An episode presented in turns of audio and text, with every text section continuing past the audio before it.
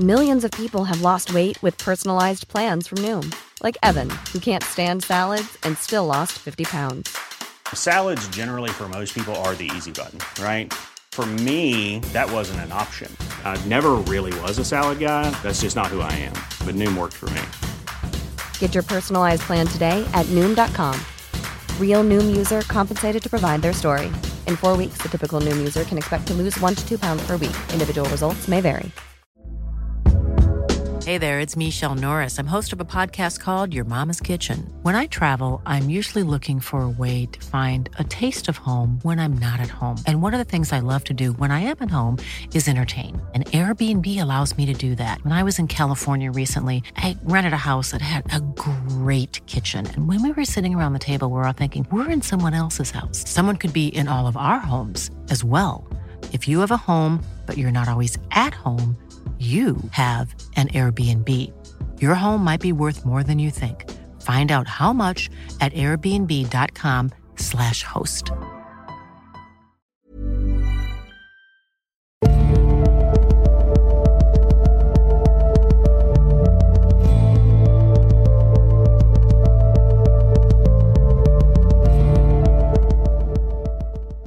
Hei og velkommen til Tåkeprat. Jeg heter Even, og når jeg tar opp denne episode 86, så er det søndag den 9. desember 2018. Denne uka har vært preget av en kraftig forkjølelse for meg. Men nå følte jeg at jeg ikke kan vente lenger med opptak av denne episoden. Men da har dere advart, og jeg skal forsøke å gjøre det beste ut av det og ikke snufse i mikrofonen. Denne uka ble det også litt hurra meg rundt her i Studio Tåkeprat da den forrige episoden ikke dukket opp i Spotify. Det er et kjent problem at det kan oppstå en liten forsinkelse fra publikasjon av episoder og fram til de dukker opp i de ulike plattformene, og spesielt med Spotify, som er forholdsvis ny på dette med podcaster. Men etter hele to døgn så begynte jeg å bli utrolig frustrert og satte himmel og jord i bevegelse for å få oppdatert strømmen til tjenesten. Men det gikk altså hele fem dager før episoden endelig dukket opp der. Jeg får håpe at dette ikke skjer for ofte, men det er kanskje greit for dere Spotify-brukere å vite at dette er noe som skjer med podcaster fra tid til annen på den plattformen. En nødløsning er å strømme eller laste ned episodene direkte fra tåkeprat.com. Da er vi kommet til den aller siste delen i historien om Gerald Garner, og den siste ordinære episoden i 2018. I denne delen så ser jeg på den siste delen av livet til Gerald Garner, og jeg skal også forsøke å analysere mitt inntrykk av mannen, etter jeg føler jeg har fått et ganske solid fundament etter hele seks episoder. I tillegg så skal jeg kikke litt på noen av menneskene og fenomenene som oppsto i kjølvannet av Gerald Gardner og hans voldsomme entusiasme for heksereligion. Det er i denne aller siste delen av livet hans at mye av de mindre hyggelige ryktene om Gerald oppsto. Jeg sitter med følelsen av at han led litt av det samme gammelmannssyndromet som Alistair Crowley gjorde og at han gjorde alt det han kunne for å spre religionen så bredt som overhodet mulig før sin egen død. Og da er det med et visst vemod at jeg presenterer den siste delen av historien om Gerald Brousseau Gardner.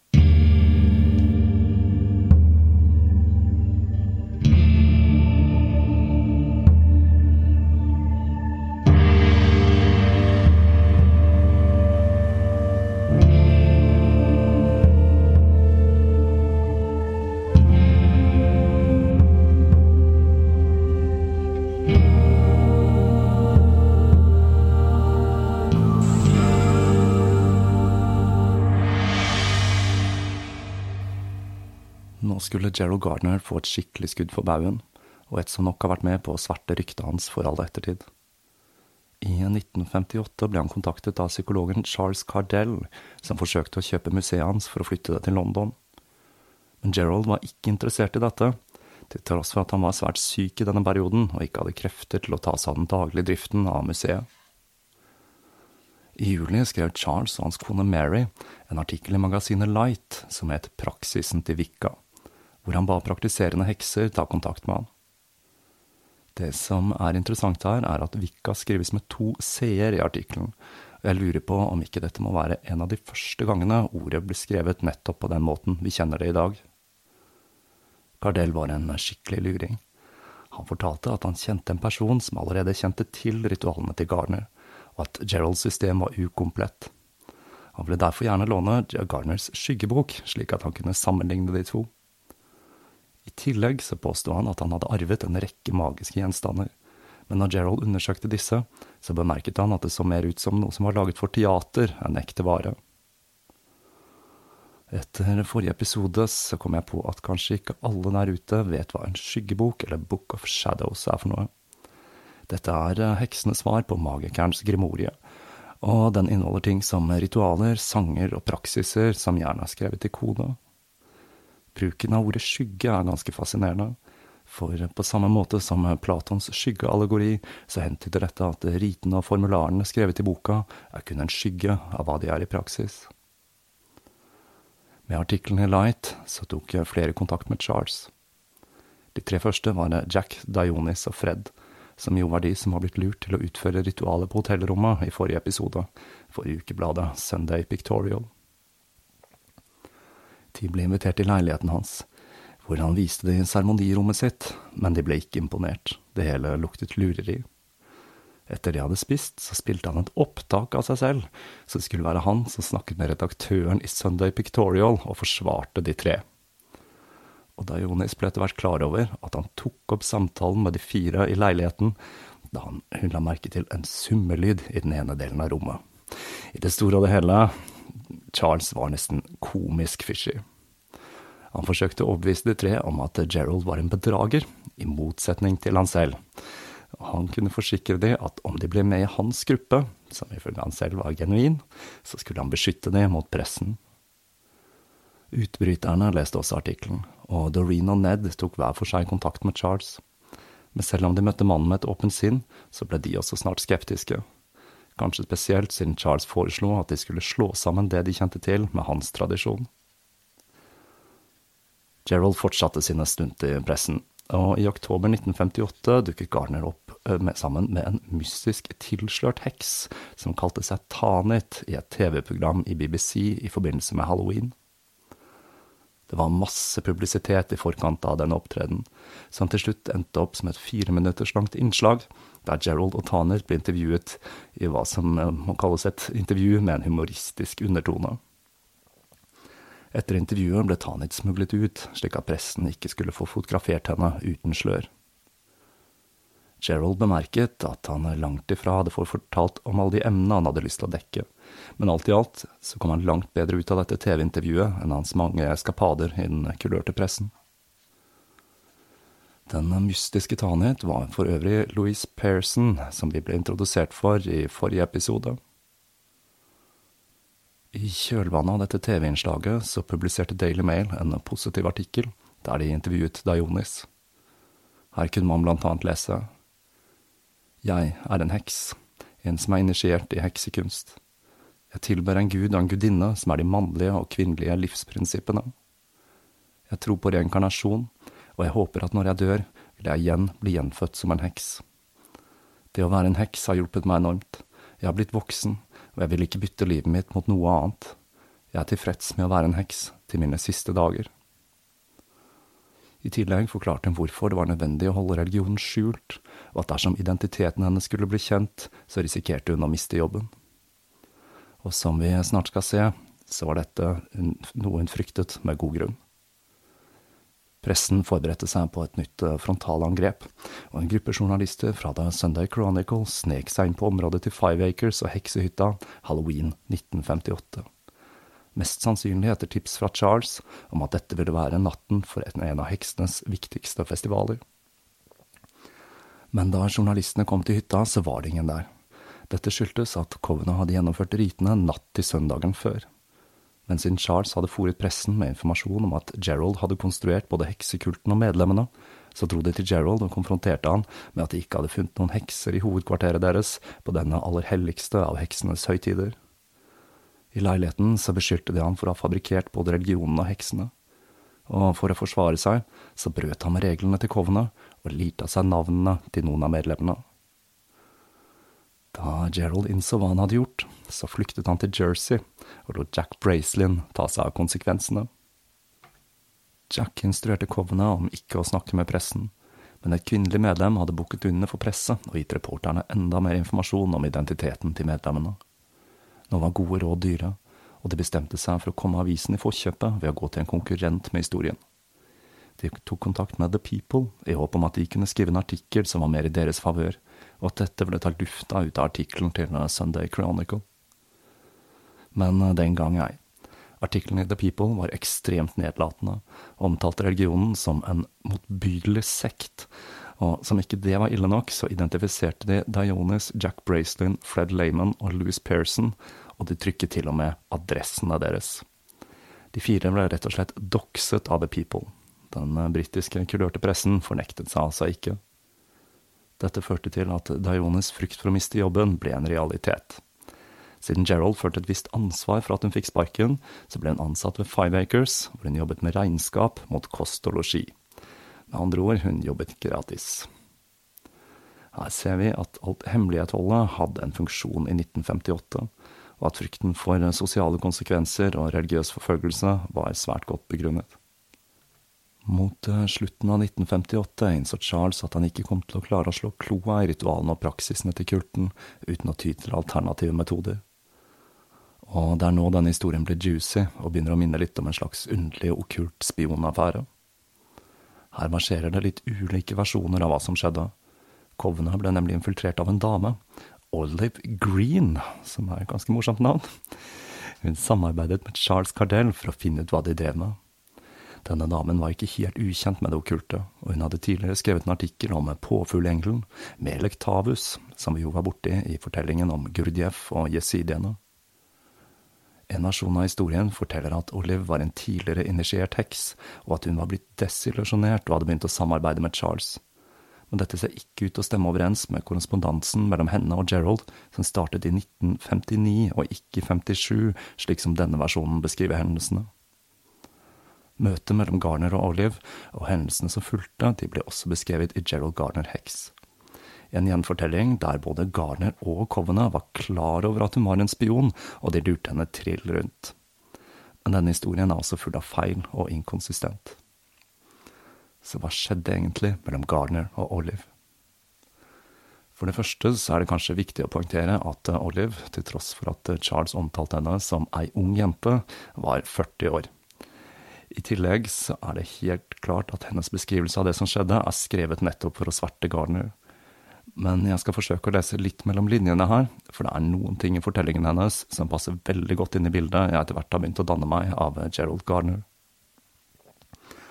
Oppdraget hennes var å bli initiert, og nå den øverste graden, slik at hun kunne bli ypperste prestinne og kunne starte sitt eget coven. Hun tok, tok kontakt med Garner, og ble invitert hjem til han, hvor hun ble introdusert for en syk og sengeliggende gammel mann. De to snakket sammen om arbeidet hans, og hun skrøt ham opp i skyene av hans inngående kjennskap til heksekunst og folklore. Olive visste akkurat hvilke knapper hun skulle trykke på, og hun betrodde at hun hadde en bestemor som hadde vært heks, og ikke minst at hun var interessert i naturisme. Dette førte til at Garner sperret øynene opp og begynte å legge ut om alle sine historier fra naturistmiljøet og når han hintet om at det noen ganger var nødvendig å ta av seg klærne for å praktisere heksekunst, og Olive bekreftet at hun var komfortabel med dette, så hadde han slukt dagene. Men Covener likte ikke Olive, så Gerald bestemte seg for å initiere henne selv i alle gradene så raskt som mulig, slik at hun kunne starte sitt eget coven når Gerald reiste til Isle of Man for å drifte museet den sommeren.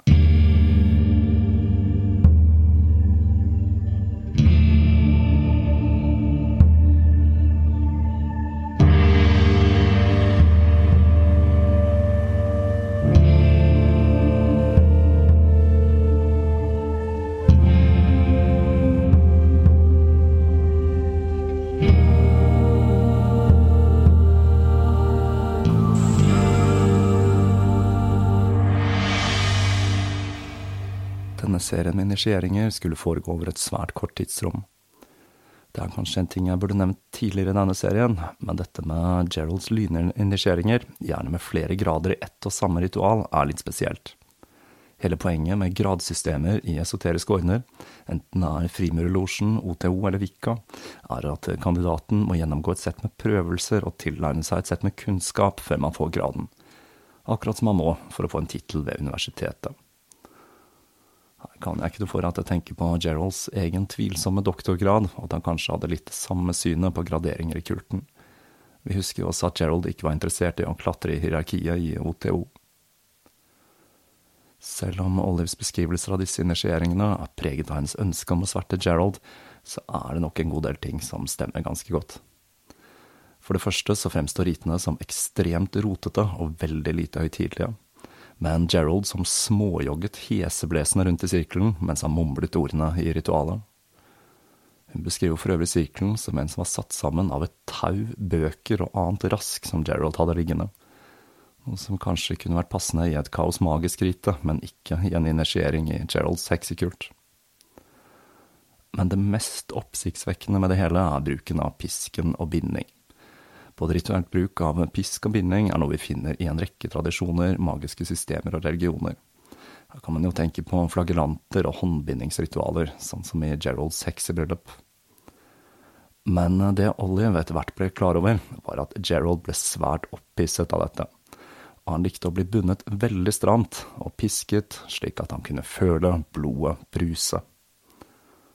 I tillegg så bar det hele et preg av Geralds fortellinger om sine tidligere prestinner og alle sjalusidramaene som hadde oppstått mellom de. Det hele toppet seg i den siste initieringen, hvor Gerald hadde plassert en sofa i midten av sirkelen, og Olive forteller at hun var glad hun visste at mannen ikke lenger var i stand til å gjennomføre et ordinært samleie.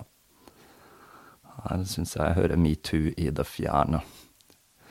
At uh, Gerald Garner hadde sine fetisjer og nok uh, faller under paraplyen sadomasochist, er en forholdsvis kjent sak i dag. Og det er ikke noe galt i det, men det var tross alt ikke dette potensielle kandidater til praksisen ble forespeilet da de lot seg initiere av Garner. Fortellingen til Olive kaster et nytt lys over de mange én-til-én-initieringene til Gerald, og ikke minst gjør at kommentaren til Donna om at jeg bryr meg ikke om hvor mange unge jenter han får til å piske seg, så lenge jeg slipper å ta del i det, får en ny mening. I tillegg så gjør dette historien til Dolores North, som brøt med Gerald og kalte han rituelt udugelig etter et ritual der han angivelig bandt henne fast og kilte henne med fjærkost, langt mer plausibel. Olive fortsatte å holde masken fram til slutten av august 1959, da hun skrev et brev til Gerald hvor hun kalte han en pervers bedrager. Like etter dette så fikk han seg enda et sjokk når Dionis sa fra seg sitt verv som ypperste prestinne. Hun hadde funnet seg en mann, og de to planla å gifte seg og emigrere og med det så ble Louise Pearson Covenets ypperste prestinne. I kjølvannet av brevet til Olive så tok Gerald kontakt med Doreen, og de to begravet stridsøksen. Her tenker jeg at Doreen følte at Gerald hadde lært leksen sin, for som jeg sa tidligere, så mistenker jeg at hun kjente til disse eskapadene til Gerald, og at det var like avgjørende for bruddet som all balubaen i pressen. Olive fortsatte å sende en serie med brev med truende og sjikanerende innhold til Gerald og Donna, og dette kan ha vært med på å fremskynde Donnas død den 30. januar 1960. For når Olive og Charles fikk høre om dette, så sendte de begge sine kondolanser til Gerald. Charles Cardell skulle fortsette med sitt korstog mot Garner med en rekke artikler hvor han beskrev Gerald som en bedrager, selv i årene etter hans død. Dette var en av grunnene til at Gerald følte behovet for å skrive en biografi, for å kunne fortelle sin versjon av livshistorien sin, og for å motbevise at historien han fortalte, var kun en han hadde funnet på for å skape sensasjon og tilegne seg unge kvinner. Personen som skulle få i oppgave å skrive boka, var en skikkelig personlighet. Sayed Idres Shah. Han var en skotsk afghaner født i India. Shah hadde skrevet flere bøker om magi og okkultisme, og er i dag først og fremst kjent for sitt arbeid med sufisme og islamsk filosofi. Shah blir beskrevet som en mann med en voldsomt sterk karisma og en aura av spirituell autoritet, i motsetning til eh, Gerald Garner. Jack Bracelin hadde møtt Shah etter et av hans mange foredrag om sufisme, og Jack fortalte Shah at han var en nær venn av Gerald Garner og Shah, som var fascinert av ritualmagi, skulle etter hvert tilby seg å skrive Garners biografi. Han dro til Isle of Man, hvor arbeidet med biografien begynte i hemmelighet, med en lang serie med intervjuer der Garner la ut om livet sitt. If you thought the only way to get a more defined jawline with natural looking results was through surgery, think again. Juvederm Volux XC is a non surgical injectable gel filler that improves moderate to severe loss of jawline definition and can help you achieve natural looking results with little downtime. Even better, this improved definition lasts up to one year with optimal treatment. No maintenance required. Improve jawline definition for a smooth, sculpted look with Juvederm Volux XC. For important safety information and to find a licensed specialist, visit juvederm.com. That's J U V E D E R M.com. Not for people with severe allergic reactions, allergies to lidocaine, or the proteins used in Juvederm. Common side effects include injection site redness, swelling, pain, tenderness, firmness, lumps, bumps, bruising, discoloration, or itching. There's a risk of unintentional injection into a blood vessel, which can cause vision abnormalities, blindness, stroke, temporary scabs, or scarring. Talk to a licensed specialist to find out if it's right for you. Millions of people have lost weight with personalized plans from Noom, like Evan, who can't stand salads and still lost 50 pounds. Salads, generally, for most people, are the easy button, right? For me, that wasn't an option. I never really was a salad guy. That's just not who I am. But Noom worked for me. Get your personalized plan today at Noom.com. Real Noom user compensated to provide their story. In four weeks, the typical new user can expect to lose one to two pounds per week. Individual results may vary. I tillegg fikk Jack Bracelin medlemmer av Kovna til å skrive ned episoder de kunne huske fra livet til Gerald, og han systematiserte disse for Shah. Men samarbeidet skulle begynne å slå sprekker i begynnelsen av 1960. For det første så var Shah lei av ritualmagi, og siden han hadde lyst til å arbeide mer med sufismen, så var han nok litt engstelig for å ha navnet sitt på en bok om hekser. Og det var en faktor til. I løpet av tiden han tilbrakte på Isle of Man, så hadde han blitt desillusjonert med Gerald Garner, for selv om intuisjonen hans fortalte at denne mannen var selve grunnsteinen i en ny religiøs bevegelse, så kunne han ikke fatte hvordan denne gamle raringen med sitt heksemuseum og sitt lettsindige forhold til spiritualitet og ritualer noen gang kunne bli noe slikt.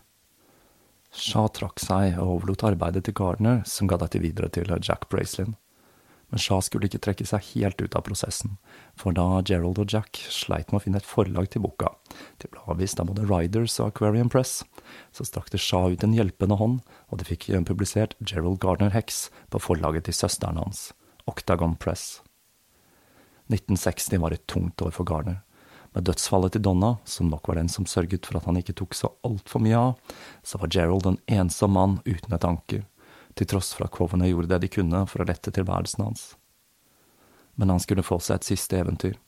Shah hadde invitert han til Mallorca, og i 1961 så møtte de poeten Robert Graves, forfatteren av The White Goddess, en som var interessert i både heksekunst og forbindelsen mellom religion og den psykedeliske opplevelsen.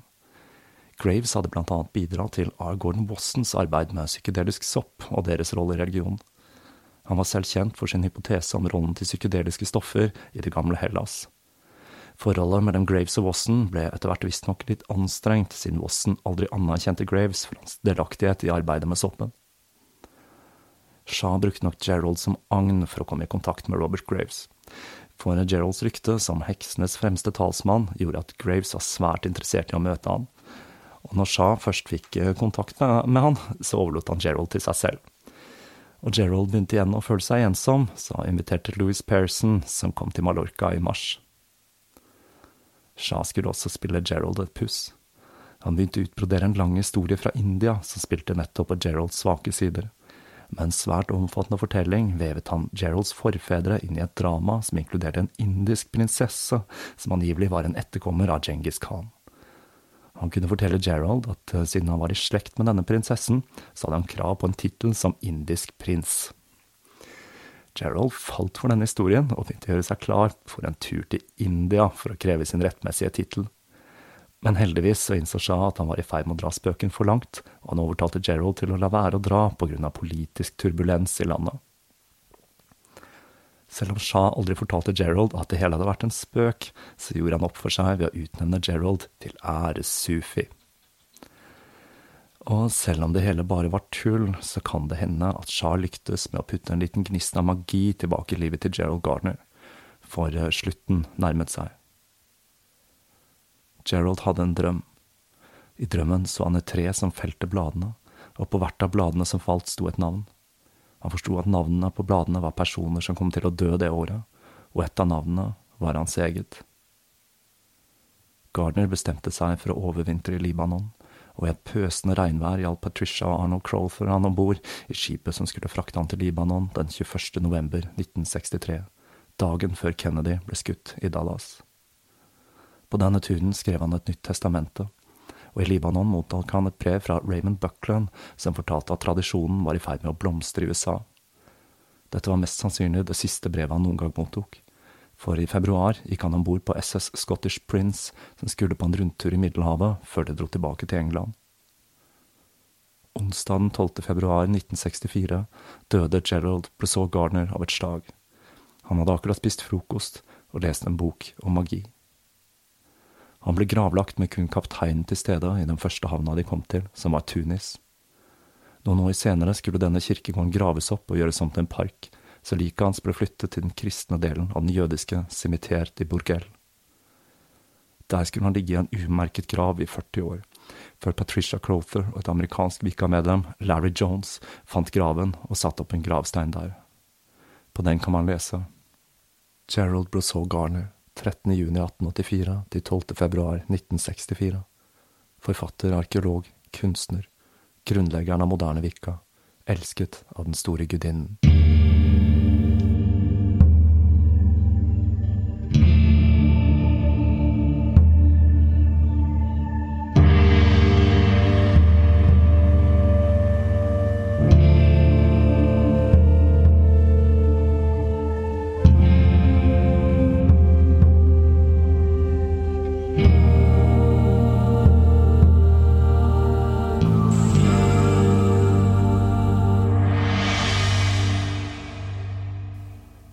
Var historien om Gerald Gardner. Dette ble en ganske så lang serie, og jeg får håpe den ikke ble for inngående, men jeg hadde virkelig lyst til å komme til bunns i historien om Gardner, og det føler jeg vel at jeg har lyktes med, i hvert fall for min egen del. Det verserer mange varianter av denne historien om denne mannen, men inntrykket jeg sitter igjen med, er en av et komplisert menneske med både gode og dårlige sider, men hvis liv og virke skulle få store konsekvenser for ettertiden og utviklingen av neopaganistiske bevegelser. Av Geralds gode sider så vil jeg trekke fram det nysgjerrige mennesket og eventyreren i han. Som liten så lærte han seg å lese på egen hånd, og dette førte til en livslang fascinasjon for bøker, og en spesiell dragning mot det mystiske og uoppdagede. Dette førte han til å følge hans mange sære interesser og virker, som hans fascinasjon for den malayiske rituelle kniven keris og hans utgravinger i Malaya. Det var disse interessene som gjorde at Gerald beveget seg i litt uortodokse miljøer, og kom i kontakt med en rekke spesielle personer. Geralds engasjement i naturistmiljøet spilte også en sentral rolle i livet hans, og i dette miljøet beveget en rekke annerledestenkende og spesielle mennesker seg, som var med på å bygge opp under noen av hans hypoteser om en verdensomspennende gudinnekult. Det store vendepunktet i livet til Gerald, nemlig hans initiering i heksekulten, har vært mye omdiskutert og er et svært kontroversielt tema, kanskje spesielt på grunn av påstandene til Charles om at alt Gerald fortalte var blank løgn og noe som var konstruert av mannen selv. I en artikkel om heksekunst skrevet av Robert Graves like etter Garners død, så oppsummerer han det hele ganske elegant. Dr. Garner ble først initiert i et Hertfordshire Coven, hvis tradisjoner hadde blitt fortolket av en gruppe teosofer, hvorpå han samkjørte dette med sin egen oppfatning av hva unge hekser trenger av lek og moro. Bortsett fra at han bommet på stedsnavnet, det skulle nok være Hampshire og ikke Hertfordshire, så traff han nok ganske godt med den uttalelsen. Det som slår meg med Gardner, er at det virker som han ikke var spesielt spirituell eller religiøs. Jeg fortalte jo hvordan han beskriver dette i Heksekunst i dag, og det virker litt som om Gardner hele veien betraktet seg selv som en uteforstående, selv om han delte noe av troen til kulten, som troen på reinkarnasjon. Kanskje det egentlig ville være mer riktig å tenke på Edith Woodford Grimes som den egentlige kilden til hva vi i dag kaller for gardneriansk vika. Og så var det Geralds dårlige sider, for han hadde en god del av de også. Hans vimsete personlighet og manglende evne til å fokusere på ett område var både en svakhet og en styrke for Gerald, og jeg mistenker at han ville fått en ADHD-diagnose eller lignende i dag. Denne vimsetheten gjorde at han aldri hadde tålmodighet til å komme seg gjennom en lang graderingsprosess som den man finner i OTO, for ikke å snakke om frimureriet med sine 33 grader. Samtidig gjorde den egenskapen at Gerald ble eksponert for en rekke ulike ideer, og tok til seg ulike interessante elementer i disse. Kanskje dette også er grunnen til at han aldri tok noen formell utdannelse, og til slutt endte med å kjøpe seg en akademisk tittel for ikke å føle seg utenfor i det gode selskap.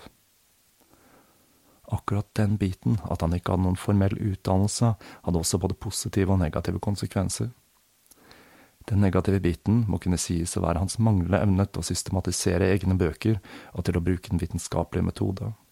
Men på den positive siden så kunne Gerald se på en sak uten å være tynget av akademisk forutinntatthet. Og så var det den siden av Gardner som nok har skapt mest kontrovers, i alle fall i pressen, for få ting har nok skadet Gardners ettermæle så mye som historien har fortalt av Charles og Olive.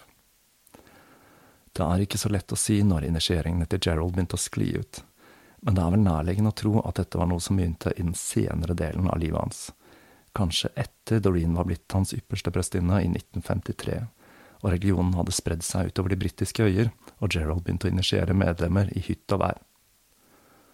Men så har vi også historien om hvordan Dolores North hadde blitt rasende, og kalte Gerald for en svindler og rituelt udugelig etter et ritual noen år tidligere, som visstnok inkluderte binding og kiling med fjærkost. Men her er det jo verdt å merke seg at dette er en historie som ble fortalt år senere av en av hennes studenter, og dette kan henge sammen med hva som ble fortalt av Charles og Olive. For den fjærkosten, den passer nemlig ikke helt inn i bildet her. Det er ikke så lett å si hva kom først, pisken eller Gerald. Gerald førte visstnok dagbøker store deler av livet, og om disse finnes i en privat samling noen plass, så kan det hende at det dukker opp mer informasjon som kan kaste et nytt lys over Gerald Gardner. Men Garner plantet bare frøet til en bevegelse som voksne, og jeg føler jeg ikke kan avslutte denne serien uten å ta en rask titt på noen av de som fulgte etter og videreutviklet eller ble påvirket av Garner og hans hekser. Den første som åpenbart fortjener å bli nevnt her, og som strengt talt fortjener sin egen serie, er Doreen Valiente. Doreen skulle fortsette å bære fakkelen til Vika etter Gardners død og fram til sin egen død i 1999. I tillegg til å skrive en rekke bøker, og ikke minst ritualer, så var Doreen med på å gjøre Wicca til en verdensomspennende religion for mer enn bare eksentriske og kultnerder. Og hun må nok ta sin del av æren for at Garner lyktes med å spre religionen, også mens han fremdeles var i live. Det er flere spennende elementer i læren til Doreen, som troen på en massiv omveltning med komme til vannmannens tidsalder, og på samme måte som Terence McKenna, så så hun på tilblivelsen av Vika som et tegn på at dette var i ferd med å skje. Doreen var også en innbitt tilhenger av Murrays hypotese livet ut, og hun hadde også et par underlige sider som jeg kunne tenke meg å se litt nærmere på. For eksempel så ble hun med i en høyreekstrem gruppe på 70-tallet. Hun var kun med et års tid, men hun lagde faktisk banneren deres.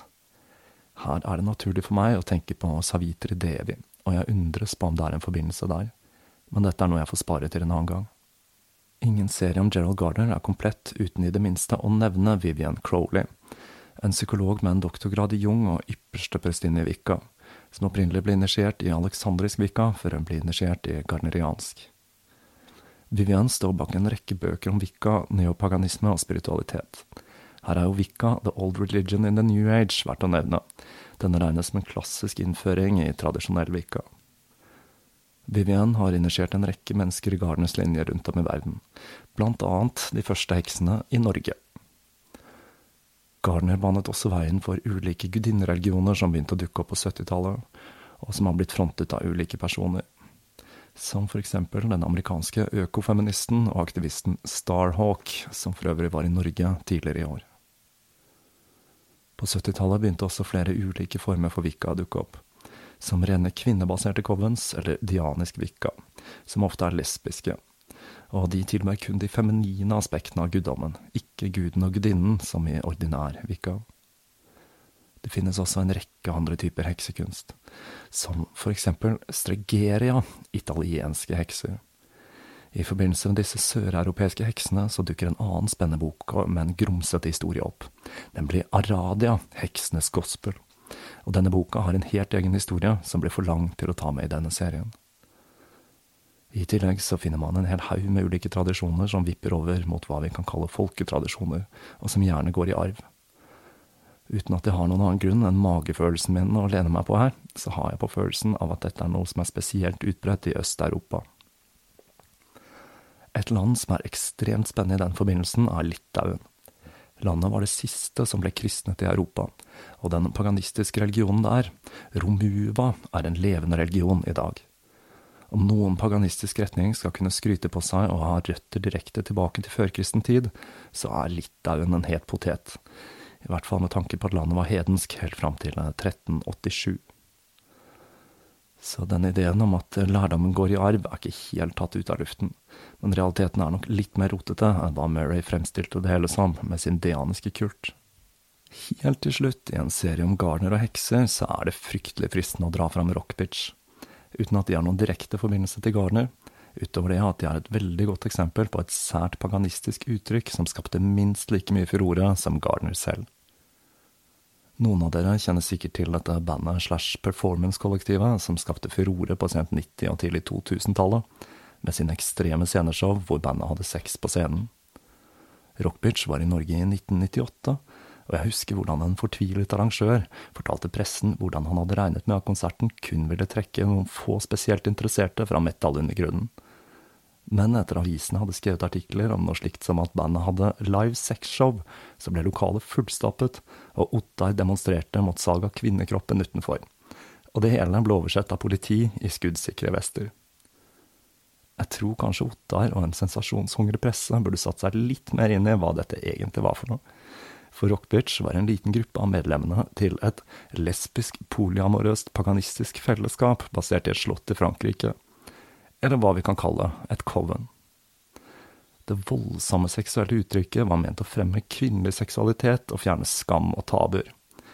Rockbitch var rett og slett feminister, så der bommet nok demonstrantene lite grann. Ideen med konsertene var å generere seksuell energi fra publikum og bruke den rituelt. Ikke ulikt de teknikkene Gardner selv beskriver i bøkene sine. Bandet måtte til slutt legge opp pga. sin egen kontroversialitet, men så vidt jeg har fått med meg, så holder Covenant, om vi kan kalle det det, fortsatt koken den dag i dag. Jeg kan for øvrig anbefale det første og eneste studioalbumet de ga ut, Motor Driven Bimbo, for de var genuint gode til å spille og flinke låtskrivere. Musikken er en form for fusion metal, med hyppig bruk av fretless bass og med dype seksuelle undertoner. Liveuttrykket deres derimot, det er, hva skal jeg si, noe spesielt, så jeg vil uansett anbefale å starte med skiva. Det er litt vanskelig å komme med et eksakt tall på hvor mange som identifiserer seg selv som paganister i dag, men så vidt jeg klarer å grave fram, så ligger antallet neopaganister på global basis på ca. tre millioner mennesker. I England er det litt i overkant av 50 000 som identifiserer seg som paganister per 2011 og av disse så er 11 000 vikka, et tall som sikkert er høyere i dag. England kan også skilte med de største heksefestivalene, som Witchfest, som årlig tiltrekker seg opp mot 3000 deltakere. Fra ritualmagikere til økofeminister og gudinnedyrkere og alskens underlige neopaganister. Alle har en takknemlighetsgjeld til mannen som lærte seg selv å skrive, og som til tross for sine feil og mangler brukte den siste delen av livet på å popularisere og spre hekseregionen så bredt han bare kunne. Og da gjenstår det bare én episode før jeg takker for meg i 2018. Jeg kommer til å slippe juleepisoden en gang i midten av den siste uka før jul. Altså ikke neste søndag, men noen dager senere.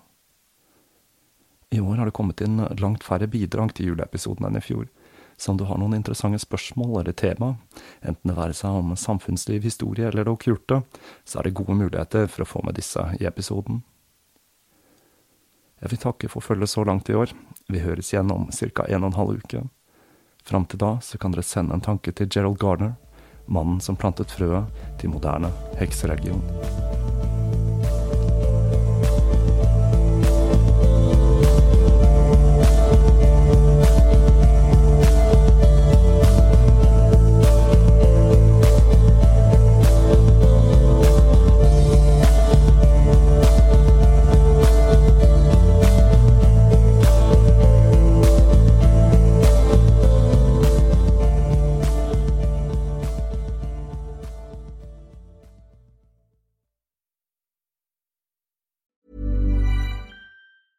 Planning for your next trip? Elevate your travel style with Quince. Quince has all the jet setting essentials you'll want for your next getaway, like European linen, premium luggage options, buttery soft Italian leather bags, and so much more. And it's all priced at 50 to 80% less than similar brands. Plus, Quince only works with factories that use safe and ethical manufacturing practices. Pack your bags with high-quality essentials you'll be wearing for vacations to come with Quince. Go to quince.com slash trip for free shipping and 365-day returns.